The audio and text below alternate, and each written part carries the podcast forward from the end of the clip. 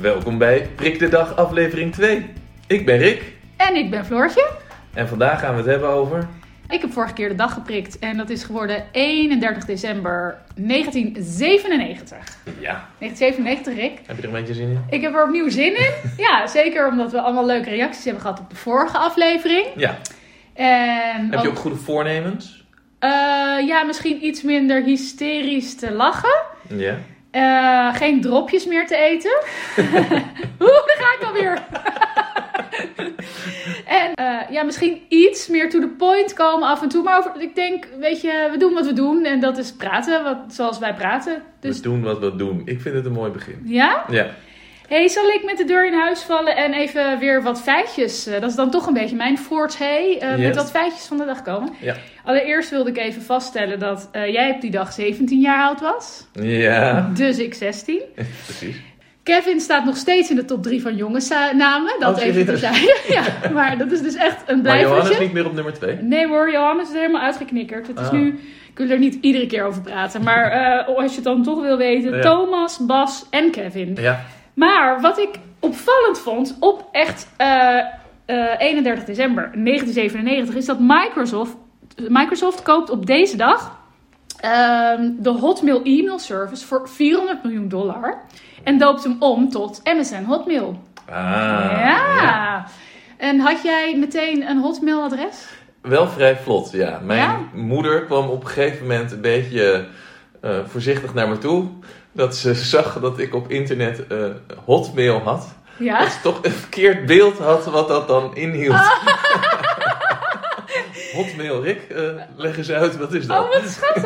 Ja. Wat leuk. Ik heb nog nooit die, eh, die associatie erbij gehad. Ja, nee, mijn moeder vond dat even heel spannend. even wat ik aan het doen was op het internet. Ja, Ja. ja. ik weet dat ik hem pas twee jaar later had. Oh ja. Ja, en ik heb dat e-mailadres nog steeds. ik heb er ook veertien andere, maar ook die. ja. hey, maar het was sowieso een belangrijk jaar in computers. Want op 15 september wordt eh, de domeinnaam google.com geregistreerd. Hm. Een groot gebeurtenis natuurlijk. En Ja. met grote eh, gevolgen voor ons leven. Ja. Want ik kan, ik kan eigenlijk niet meer zonder Google. Nee. En op 16 september wordt medeoprichter Steve Jobs interim CEO van Apple.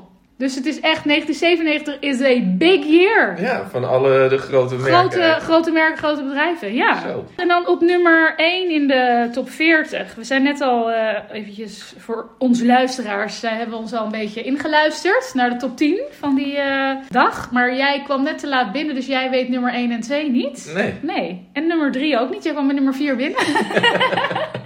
en op nummer 1 stond eh, Tell Him van Barbara Streisand en Celine Dion. Oh, ja. Echt zo'n ballad zoals je ze nu niet meer hoort eigenlijk. Nee. En eh, op 2 stond, nou helemaal niet aan een decemberperiode gekoppeld, maar stond dan ook al 16 weken in de top 40. Wes met Alame. Ja, zoals je inderdaad nog steeds fonetisch maar wat zingt. Ja. Ja, die dus. Oh, En dan op 3, Ik heb je lief van Paul de Leeuw. ah, verschrikkelijk. nee. Echt waar? Dat vind ik zo mooi. Nee, oh. oh. echt? Nee, Oh. ik, ik heb er helemaal niks mee met het nummer. Oké, nou dat Sorry. kan. Ja. Eh, in de bioscoop draaiden de films eh, Tomorrow Never Dies, Ah. James Bond. Ja. Heb je iets met James Bond? Eh, nou, ik heb wel al zijn films denk ik gezien. Ja. Ja, Maar ik ben niet een eh, echte James-kenner. oké. Ik vind wel eh, altijd leuke films om te kijken. Maar dit is met Pierce Brosnan dan? Ja, dit is een Pierce Brosnan. En, leuk weetje, want er zat een klein Hollands tintje aan deze film. Dat was je? sowieso in die jaren, toch? We hadden eentje met Daphne Dekkers en eentje met Kim van Koten. Nou, niet Kim van Koot, Famke Jansen. Van Jans. Daar heb ik jou voor. ja, precies. Ja.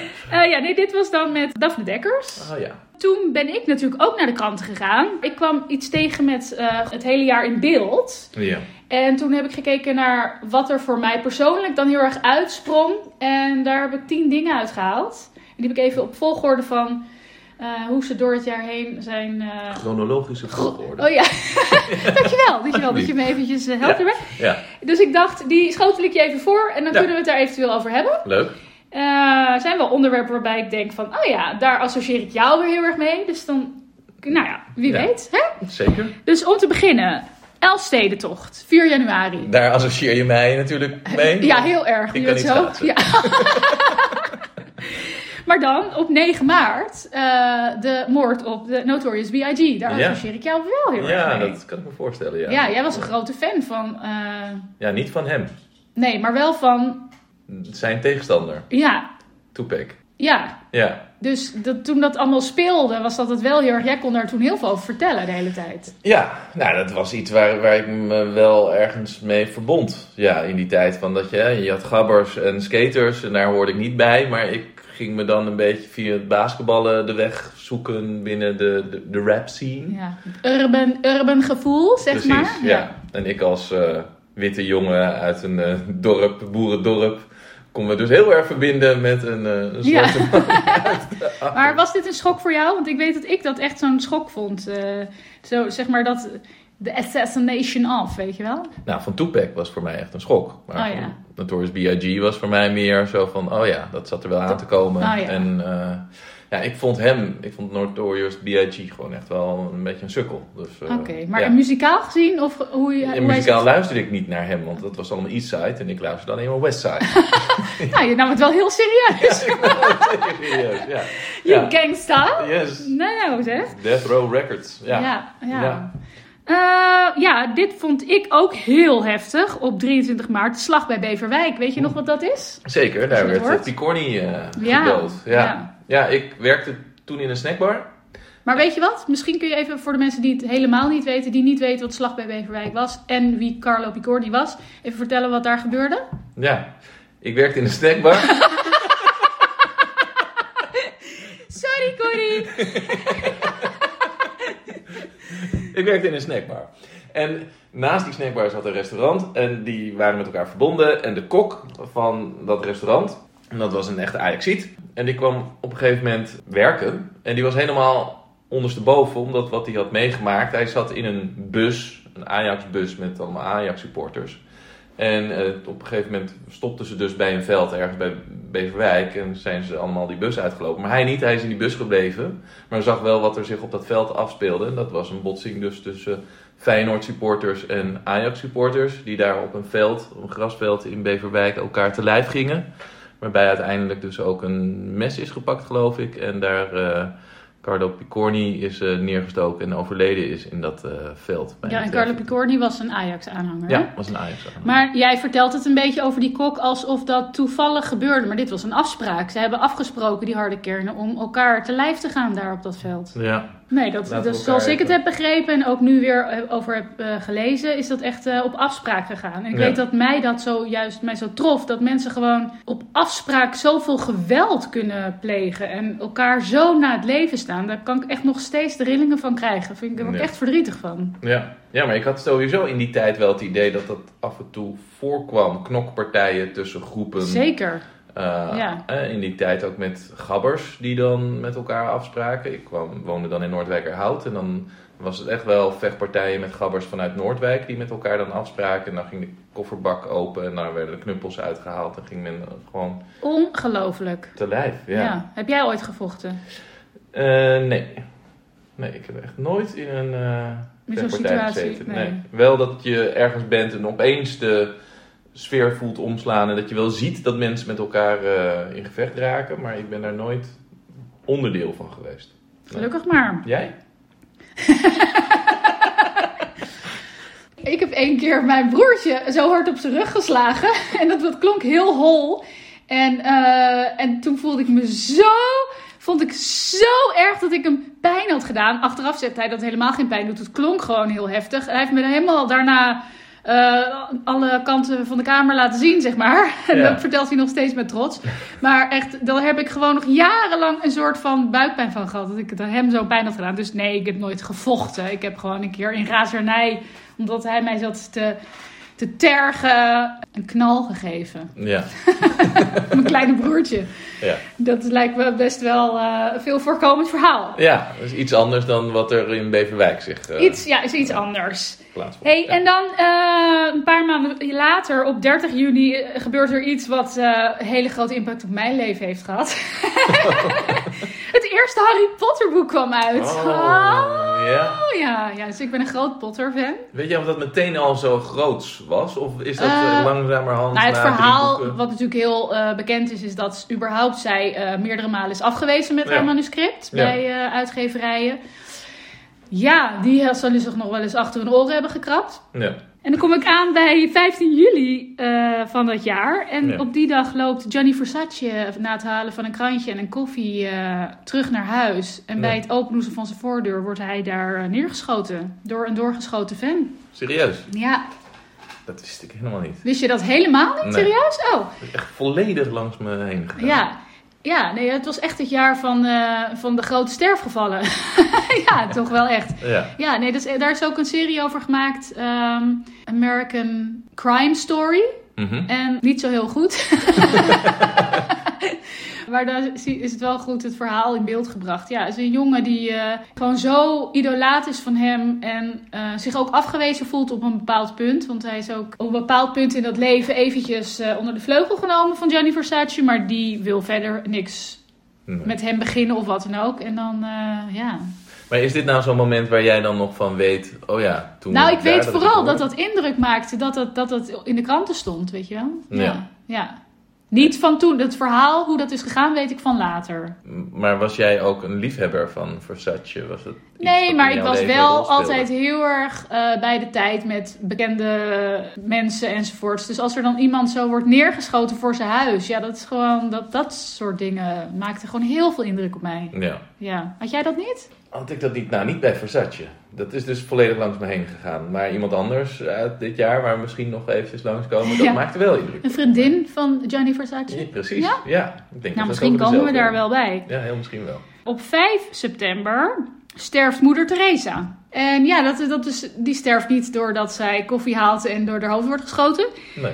Maar ja, het is een oude vrouw natuurlijk. Maar Ja. het maakte dan weer heel veel indruk op me, omdat er al zoveel sterfgevallen waren geweest. En dan opeens weer zo'n grote naam. Was dat voor jou dat jaar echt dat je er Ja. bewust van ja, was? Dat steeds... heel erg. En misschien Oh, ja. wel voor het eerst ook. Ja, dat Ja. zou heel goed kunnen. Ja, want ik heb, ik, ik heb nu een aantal. Ik wilde niet alleen maar een, een lijst van de doden hier neerleggen. Maar Nee. het grootste van dat jaar was toch wel echt de Diana. achtervolging en de dood van prinses Diana. Zeker, ja. Ja. Ja. Dat was wel voor mij, denk ik, het eerste ook dat, eh, dat ik heb geregistreerd. Ik weet niet of dat zo was. Maar dat bij ons echt de televisie eh 12 uur of zo heeft aangestaan. Ja. En dat allemaal zo de hele tijd terug naar die beelden. En weer een nieuwsbericht. En Balmoral en die jongens in hun kilts. En dan eh, terug naar Parijs. En weer naar de bloemenleggingen bij Buckingham Palace. En al dat soort... Ja, dat dat echt eh, heel erg... Dat is, in mijn hoofd is dat heel lang... Ik wilde dat ook helemaal weten van die jonge kinderen. Vreselijk vond ik het. Ja. ja, bij ons stond ook de televisie echt eh die hele dag aan. En ik kan me dat ook echt nog herinneren hoe dat eh, voelde. En dan de buurvrouw die echt helemaal in tranen Oh, was ja, van eh, ja. deze gebeurtenissen. Ja, dus dat is natuurlijk even een paar korte woorden voor zoiets groots. Maar misschien dat we ooit nog met dit podcast belanden bij Prinses Diana op 31 augustus. Ja. Of misschien wil je er zo nog wat over zeggen. Ja, ja misschien mag ik er nu ook nog iets over zeggen. Ja, dat mag ook. Ja.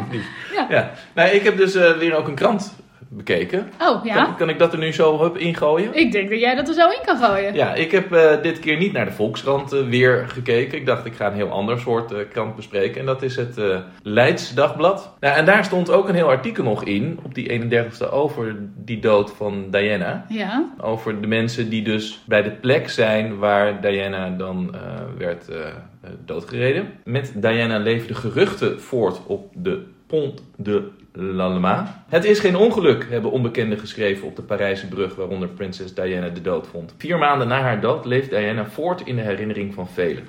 Zo'n 100 mensen trotseerden gistermiddag het druilerige weer voor een bedevaart. Kom alsjeblieft terug, heeft iemand op het beton geschreven. En alsof dat wonder reeds is geschied, staat op een elektriciteitskastje gelukkige kerst, Diana. Even hardnekkig als de prinses zelf leven de geruchten over de toedracht van haar dood voort. Diana zou zijn vermoord door de Brit- Britse inlichtingendienst omdat ze op het punt stond zich te tot de islam te bekeren. Ze zou de dood zijn ingedreven door persmuskieten. Ze zou zwanger zijn geweest van Dodi, haar Egyptische vriend. Er zou cocaïne in het wrak van de Mercedes zijn gevonden en Diana's juwelen zouden uit het wrak zijn gestolen. Verder over dus de geruchten die over de dood van Diana nou, toen heel erg leefden. Ja, wat vind jij daar nou van? Nee, ja, het is ergens heel logisch, want het- veel mensen hebben toch een soort achterdocht.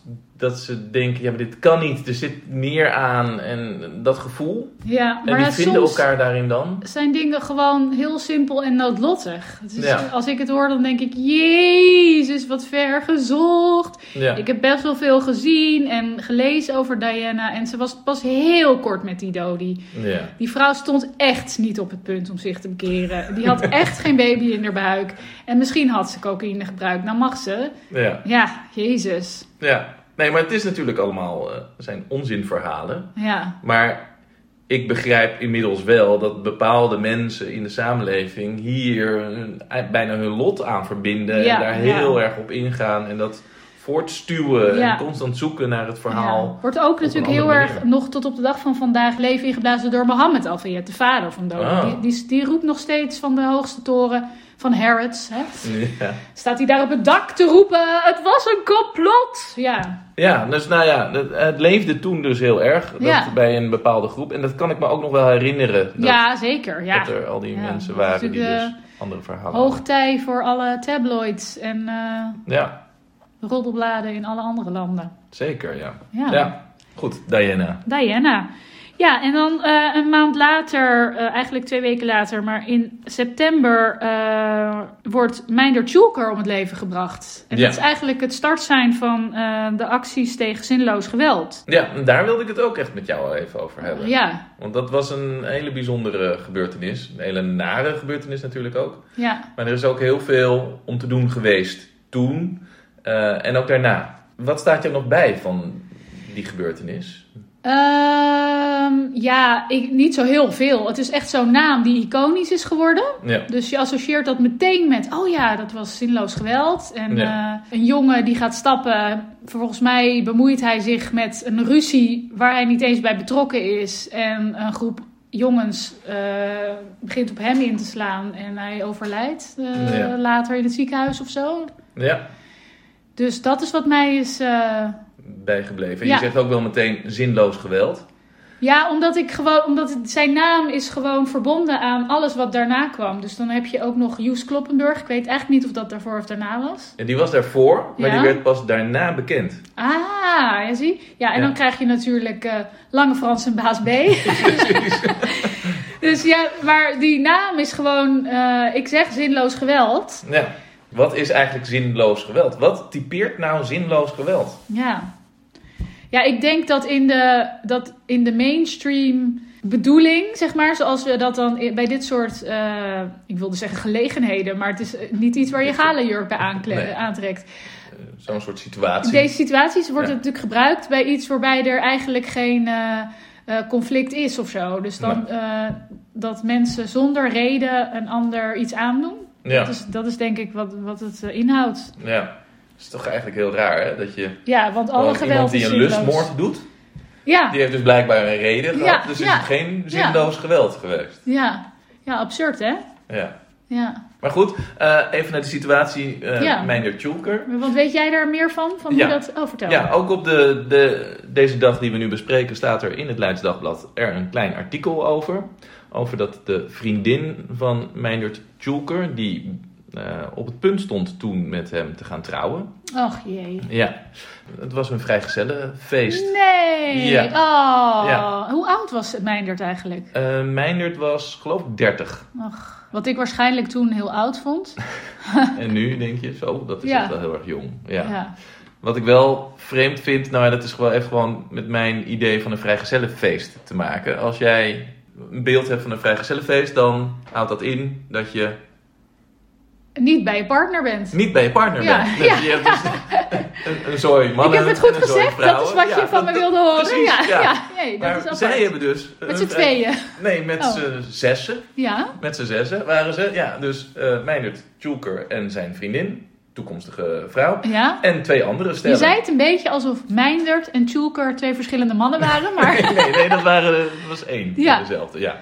Dus Meijner Tjulker en zijn verloofde. En dan nog twee andere stellen. Die liepen, die waren nou, gaan stappen in Leeuwarden. Lekker gaan drinken. Liepen redelijk beschonken over straat. En ze zien op een gegeven moment aan de overkant van een gracht... zien ze een groepje jongens, vier jongens... die zijn bezig met een fiets op straat te gooien. Dat groepje jongens van vier mannen eh, hebben ook een aantal biertjes op. eh, zijn ook gaan stappen in Leeuwarden. En die hebben met elkaar een soort eh, een weddenschap. Jij kunt niet over die fiets springen. En één probeert over die fiets heen te springen. Dat lukt niet. Die wordt daar uh, baldadig van en die smijt die fiets op straat. Mijn Tjoeker ziet dat en die roept dan: Hé hey joh, gasten, kappen daarmee, doe even normaal, enzovoort. Die vriendin, de verloofde van mijn Tjoeker, die zegt dan: nou, hou je die even buiten, hou je niet mee bezig. Maar die gasten die zeggen: Ah joh, eh, hou je kop. Want, en er wordt over en weer gevloekt. En op een gegeven moment zegt ook mijn Tjoeker: Nou, kom hier dan, dan sla je voor je kop. Zoiets. En die heeft ze ook echt daadwerkelijk uitgedaagd Ja. om naar hem toe te komen om Ja. te gaan vechten. Dus die vier jongens, die voelen zich op een gegeven moment daarin daadwerkelijk uitgedaagd. Die denken, nou ja, dan zul je het weten ook. Dus die lopen daar naartoe. En er ontstaat dan een vechtpartij tussen Meinder Tulker eh, en twee van zijn vrienden en die vier andere jongens. Waarbij de rol van één van die jongens, een 17-jarige jongen op dat moment, is een beetje vaag. Want niemand heeft hem zien vechten in die, eh, in die setting, vechtpartij. ja. Dus die stond een beetje op afstand. Er komt daar een vechtpartij. Mijn Tjoeker krijgt een klap, geeft dan een klap terug. Mijn Tjoeker belandt op de grond en heeft toen nog een aantal klappen gehad en een trap in zijn hals. Oh. En die, waarschijnlijk is die trap in zijn hals, heeft ervoor gezorgd dat nou ja, zijn eh, slagader geraakt of waard of wat dan ook. Daaraan is hij hoogstwaarschijnlijk overleden. Oh, niet ter plekke, hè? Sorry? Niet ter plekke, toch? Niet ter plekke. Nou, hij is op een gegeven moment dus meegenomen in het ziekenhuis. En in het ziekenhuis inderdaad overleden. Dus op 13 september is hij overleden. Die jongens die dus betrokken waren bij die vechtpartij, die hadden helemaal niet door hoe ernstig het was. En die zijn gewoon weer weggelopen. Die zijn een shawarma tent ingelopen. En die gingen daar een broodje shawarma eten. Ja. En worden op een gegeven moment door de politie opgepakt. En hebben zoiets van, "Hm, wat is hier aan de hand? Waarom worden wij nou opgepakt? Maar ja, het was toen wel al voor de politie duidelijk. Hier ligt iemand heel erg zwaar gewond en misschien wel nooit meer eh, tot leven komen. Over die, die 17-jarige gaat dat bericht wat in, op 31 december Ja. in de krant staat. Ja. De kop is, vriendin Tjulker wil vierde verdachte alsnog vervolgen. De vriendin van Meijner Tjulker wil dat justitie alsnog een 17-jarige voormalige verdachte van doodslag op haar vriend vervolgt.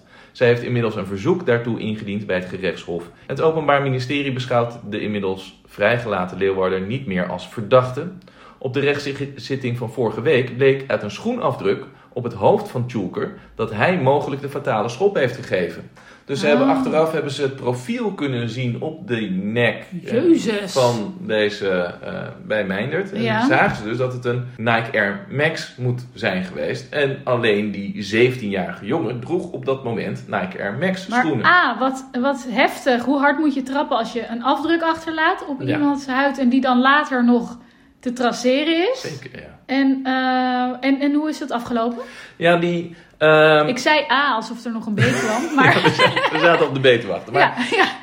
Het vreemde aan dit verhaal was dat die 17-jarige jongen was door niemand aangemerkt als zijnde dat hij had deelgenomen aan die vechtpartij. Dus de mannen die uh, mijn Joker met hem in gevecht waren, die hebben gezegd, ja, hij was er niet bij betrokken. En ook de getuigen van de andere kant hebben ook gezegd... die dames dat- die daar stonden ja, die hebben ook gezegd, die 17-jarige, die was er niet bij betrokken. Dus vandaar dat die eigenlijk door niemand als een verdachte werd gezien. Maar nu Ja. dus bleek, Ja. hey, hij heeft die schoenafdruk.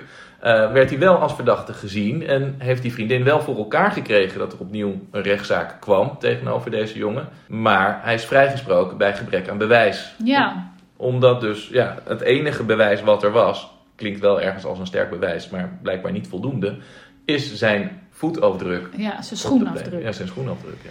Ja, ik vind het heel moeilijk, want weet je wat het is? Eh mijn Dirt had zelf ook een fatale trap kunnen uitdelen. en dan was hij de grote boeman geweest. Dus het is heel makkelijk om dan de ene partij helemaal te verketteren. Maar het is natuurlijk gewoon een groep mensen die allemaal zich een beetje gedijsterd moeten houden. En niet Ja. zo eh, zich had moeten laten meeslepen door alle emoties en agressie. ja. En dat is misschien wat het zinloos geweld wel heel erg kenmerkt. Het zijn eigenlijk allemaal daders en allemaal slachtoffers. Ja, en daarom zie je ook dat in de berichtgeving achteraf ook een rol eh, bij de media wordt neergelegd van hier wordt verkeerd de situatie geschetst. Want de situatie werd echt geschetst, geschetst als zijnde goed en kwaad. Ja. Met mijn Joker, die gewoon die gasten aanspreekt en eh, wil opkomen voor Ja, het goede. Voor de fiets. Die wordt door vier mannen in elkaar getrapt, doodgeschopt. En Ja. hier in dit, dit krantenartikel hebben ze het dus ook over doodslag. Maar doodslag is dus met het idee dat je iemand dood wil maken. Maar dat was bij deze jongens helemaal niet het geval. Die hebben niet, nooit de intentie gehad om Meiner Tjulker te willen doden. Oh, ik dacht dat moord was met de Nee, moord is eh, met voorbedachte raden. Hè, dus Nee, wanneer- moord met voorbedachte raden is moord met voorbedachte raden. Nee, dat Oh. bestaat niet. Moord Oh. met voorbedachte raden bestaat niet. Oh, oké. Ja, dus moord is altijd dat je van tevoren gepland hebt om iemand te doden. Ja, En doodslag is dat je in het moment, in de situatie denkt, ja, maar nu moet je dood. moet je dood. Oké. En wat is dan, wat, hoe noem je het dan als iemand eh, sterft eh, door jouw hand, zal ik maar zeggen, terwijl je dat niet had gewild? Ja, nou dat is eh, het moeilijke, want hier kwam het Openbaar Ministerie van eigenlijk is hier sprake van openlijke geweldpleging. En dat is gewoon geweld, eh, vechtpartijen, waarbij uiteindelijk iemand dusdanig gewond is geraakt dat hij is overleden. En toen kwamen ze dus ook tot een, een strafmaat wat redelijk licht was. Eh, ik geloof 16 maanden gevangenisstraf. Echt waar? Zo weinig? Ja, en toen kwam ook de hele Nederlandse volk kwam in opstand. Van, ja, Ja, kijk, ja. dit kan toch niet? Ja, En Tjulker is dood. Die man die ging bijna trouwen. ja. Eh, die heeft niks misdaan. En die twee mensen, die, eh, of de, de mensen die het hebben misdaan, die komen met zulke lichte straffen vanaf. En die hebben toen echt geëist opnieuw naar een onderzoek. Ja, dat er opnieuw een rechtszaak kwam. De hele, eh, de Weet je uiteindelijk eh, wat de straf eh, is geworden? Nou ja, het is wel iets verzwaard. Maar voor de bevolking was het nog steeds echt wel. Ja, ik vind dit heel moeilijk. Ik, vind dit heel, ik kan er hier niks gezelligs over zeggen ook. Ik vind Nee. het heel moeilijk, omdat ik ben zo'n pacifist. Dus bij ieder geweldpleging denk ik dan gewoon van... Jongens, doe nou niet! Heb de ander lief! Ja. Ja. Make love, not war. Tell him! Tell him that the sun and moon rise in his eyes. Dus Oh, ja. ja. Ik vind ook eh, de, de hardheid van die discussie dan heel lastig. Ja. Maar natuurlijk voel ik ook dat eh, was het mijn broer geweest, was, het jij, was jij het geweest, weet je wel, dan zit daar ja, dat gevoel van boetedoening. Iemand moet hier boete voor, weet je wel. Dus ja, ik vind het heel moeilijk, ethisch gezien. ja, Vreselijk. vreselijk. Ja. En dat is het. En dat is het. Ja. Heb ik nog één ding wat mij is opgevallen van het jaaroverzicht, wat ook voor mij van groot belang was. Oh, En dat was de Titanic, de film Titanic. Titanic. Ik denk dat dat de film is die ik het meest die ik, eh, in de bioscoop heb gezien. Wat een epische film. Maar ik vind het nog steeds een hele mooie film hoor. Ja? Ja, zeker. Het duurt wel heel lang. hij is heel lang, inderdaad. Hij, hij nodigt uit om te smoetsen op de bank, zeker. Ja. Ja. En je weet de afloop eigenlijk toch ook al. Je weet de afloop eigenlijk ook al. Waar ik altijd om moest lachen was dat je op een gegeven moment allemaal van die memes had met hoe je met z'n tweeën op die deur had kunnen liggen. Waar zij in er eentje uiteindelijk op overleeft. Zo van, er was zoveel ruimte. Waarom, waarom lag die gast in het water? Je had zo kunnen liggen met z'n tweeën. Je had zo kunnen liggen. Er had nog een derde bij gekund. Dus dat was het overzicht van het jaar. Waarin nog veel meer is gebeurd. Is jou nog iets anders opgevallen in de kranten? Het is het Leids Dagblad. Ja. Iets meer sensatie. Wat mij dan opvalt, echt wat je niet bij een Volkskrant zult vinden. Ja. Op de voorpagina een Ja. groot artikel over Willy Poort. Oh, wat heerlijk. Die was er ook nog. Ja, want die had toen het programma De Week van Willy Poort. Ja. En dat was een programma waarin hij mensen wilde confronteren. Ja. En hij, wilde, hij zocht daar altijd een soort sensatie op. sensatie en eh, hij stalkte mensen een beetje, zocht altijd zo, zeg maar, het conflict ook een beetje, toch? Ja, zeker. Dit was wat dat betreft, een, eh, waar dit artikel in de krant om ging, veel luchtiger. Mhm. Het ging namelijk over twee mensen die de hoofdrol speelden bij de Elfstedentocht. Ah, daar komt de Elfstedentocht. Daar de laatst gereden Elfstedentocht. terug. Zeker. Ja. Met de winnaar Henk Angenent, en de nummer twee. Erik Hulsenbos. Heel goed. Ben ik geslaagd? Ik zal je geslaagd. zeggen, ik heb die van A tot Z gekeken. Ik weet niet waarom, ma- want, maar ik heb de hele dag televisie gekeken. Ja, Ja. ja, bij ons stond ook de hele dag de televisie aan. leuk. Ja. Ja. Maar wat, eh, waar ging dat artikel over? Nou, dat artikel ging over. Dan moeten we eventjes kijken naar de situatie dus tussen Henk Angenent en Erik Hulsenbos. We- Weet Ja. je de finale nog een beetje hoe dat ging?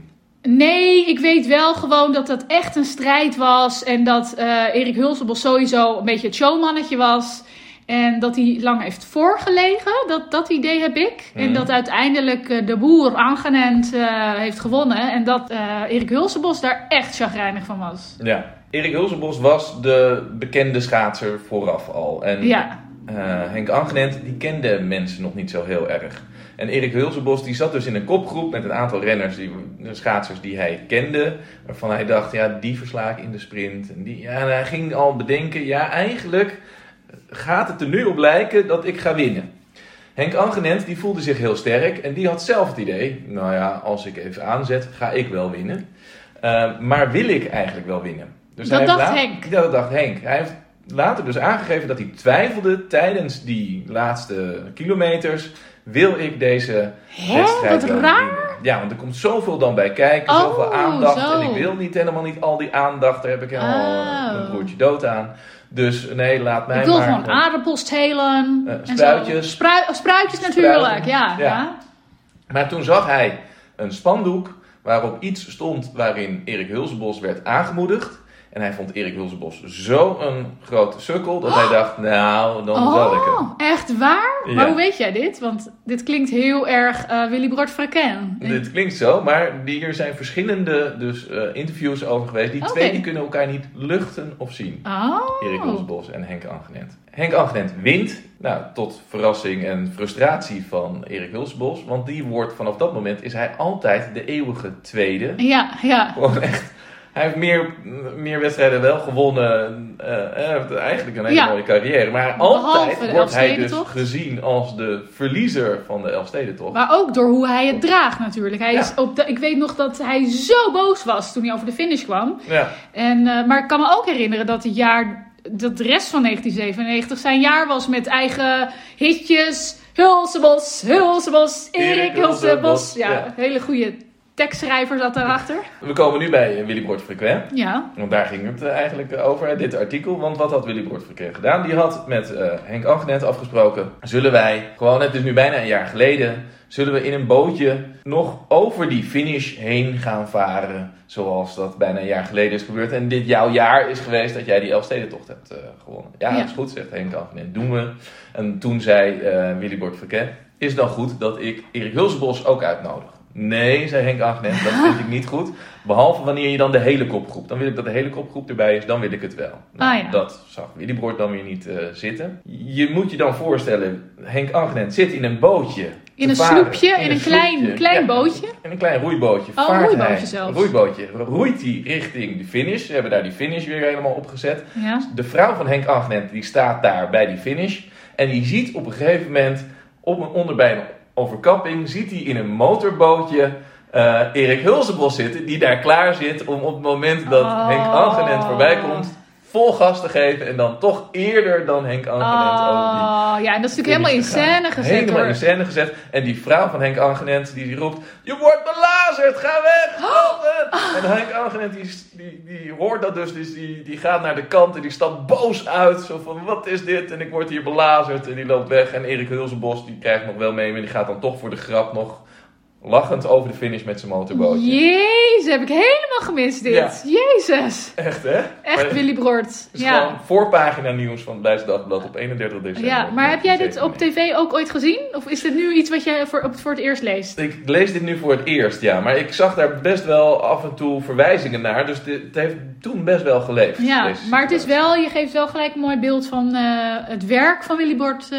Frequent. Ja, hoe dat deed, Hoe die dat deed, ja. Ja. Gewoon eigenlijk totaal geen respect voor andermans grenzen. Ja, dus dat was... eh, Nou, wat leuk. Dat vind ik een leuke, leuk om te weten. Oh, Ja. ik, ik, hoop, ik wil daar toch beelden dan stiekem van zien. Dat is ook alweer slecht van mij eigenlijk, hè? Oh, wat Ja. erg. Ja. Laten we kijken of we het ergens wel op internet nog kunnen, Nog kunnen vinden, ja. Ik zag ook in de krant, dat vond ik dan ook wel nu grappig, een vooruitblik naar 1998. Oh, dat aan Paragnos, is is gevraagd. Ja. Wat gebeurt er in Ja. 1998? En dan kunnen we nu checken of dat daadwerkelijk is gebeurd. Ja. Ja, Paragnos te kijken vooruit naar 1998. Nou, ben benieuwd. Kom maar Ja. door. Nederland wordt in 1998 wereldkampioen voetbal. Wauw. Ja, niet, gebeurd, hè? Niet gebeurd, nee. Nee. nee. Eh, onder andere Ronald de Boer miste de penalty in de halve finale tegen Brazilië. Verder eh, de Olympische Spelen. Daar slepen onze schaatsers alle gouden medailles weg. Ook niet gebeurd, hè? Nee, jammer. Jammer, joh. Dat is eh, wel heel erg jammer. De toren van Pisa valt om. Oeps. ik vind het wel ballsy dat je dat soort voorspellingen durft te doen. Ja. Oké, ja. Nee, dat is ook niet helemaal Dus eh, we hebben op dit moment eigenlijk eh, zero out of three. Een zero out of three, ja. Eh, nou ja, er, er zal een minister aftreden. Nou, in Nederland niet zo moeilijk. Wie is er afgetreden in Ja, ik 98? heb gekeken, ik heb niemand gezien die is afgetreden. Dus je gaat me nu vertellen dat het het enige jaar is geweest in de Nederlandse geschiedenis dat er geen minister is afgetreden? Dat is zoiets, ja. Dat er geen afsplitsing is geweest van een of Nou, andere extreemrechtse er waren partij? Toen verkiezingen in 1998, dus... mm, En niet om- een paar weken een demissionair kabinet gehad? Nee, ook niet? Nee. Nou ja, ook niet. gewoon- Dus dan zitten we nog steeds op eh, Ja, op nul. nul. Oké. Ja. Eh, ook het bezoek van veel verder ontwikkelde buitenaardse beschavingen aan deze planeet zullen sterk de aandacht trekken. Interesting. Ja, Interesting. Is niet gebeurd. Niet gebeurd. Misschien zijn er mensen die Nee, dat geloven komt- dat het wel is gebeurd. Ja, dat Maar, kan. Ja. Wel, dus het zijn ook dingen waarvan ik denk, oh, nou, dat Oh, had nog best wel oh. iets. Paragnost Olof Koning voorziet ander onheil in de vorm van een ontvoering van een hooggeplaatste Nederlander. Oh? Ja, en daar heb ik wel even naar gekeken. Is er een ontvoering in 1998 geweest? Ja. En ja, die is er geweest. Eh, de vrouw van Cor Boonstra, die is in 1998 ontvoerd. Dus Wauw. ja, puntje voor deze paragnost. Een klein puntje Klein zeker. puntje, ja. ja. Het is, Het is een redelijk prominent iemand. Ja. ja. Verder ook de vraag of we daar een, puntje aan mogen geven. Olaf Koning voorzo- eh, voorzag een ziekenhuisopname bij het Koninklijke Huis. Zes weken voordat koning Beatrix in ziekenhuis Bronovo in Den Haag aan een oor werd geopereerd. Nou, dat is toch een volle punt? Alleen was dat nog in 1997. Nee, dat is dan geen punt. Oh, dat is gewoon... eh, dat is premeditated. Dat, Ja. dat, weet, dat weet hij dan dus al bij het voorspellen. Nee, hij wist het nog niet bij het voorspellen. Dus hij voorspelde iets en dan daarna. Hè, dus hij Oh nee, dan krijgt hij wel een driekwart. Een driekwart punt. Ja, ja. En dan hebben we ook nog Anton Pauw, die heeft hetzelfde probleem. Want Oh. die zei, er gaat iets heel ergs gebeuren bij Marco Bakker in 1998. En een paar dagen nadat hij dit zei, rijdt Marco Bakker iemand dood. Nou, dat krijgt hij voor mij wel een heel punt. Want Ja. het, eh, de tijd is niet daarna gegeven, denk ik dan precies. Nou ja, Dus- er wordt gevraagd, wat, voorspel je voor 1998? Ja, maar ja, ik vind het wel heel concreet. Ja, echt hè? Het is Ja, wel heel erg concreet. ja. ja, Dat dus. Zo is het. Ja, ik heb het idee dat we een beetje door, eh, door de dag heen zijn gewandeld. Dat idee heb ik ook. 31 december 1997. Nou wil ik Ja. jou uitnodigen om een datum te prikken voor de volgende. Ja, ik heb een, eh, een verzoekmoment gekregen. Oh, iemand heeft een verzoek ingediend? Ja, iemand oh? heeft een verzoek ingediend. Nou, hebben we een fan. We hebben een fan. Het gaat om Rutger. Rutger, wat leuk. Rutger, ja. die heeft een eh, verzoek ingediend. Ja. En die wil het graag hebben over 5 april 1994. Nou, leuk. Dat wordt de volgende. Dat wordt de volgende, ja. 5 april 1994. Ja, Kijk er naar uit, Rick. ik ook. Dankjewel voor dit gesprek weer. Jij ook. Op naar de kebab. Op naar de kebab. Ja, is er weer kebab? Pompoensoep. Tot volgende keer. Doeg.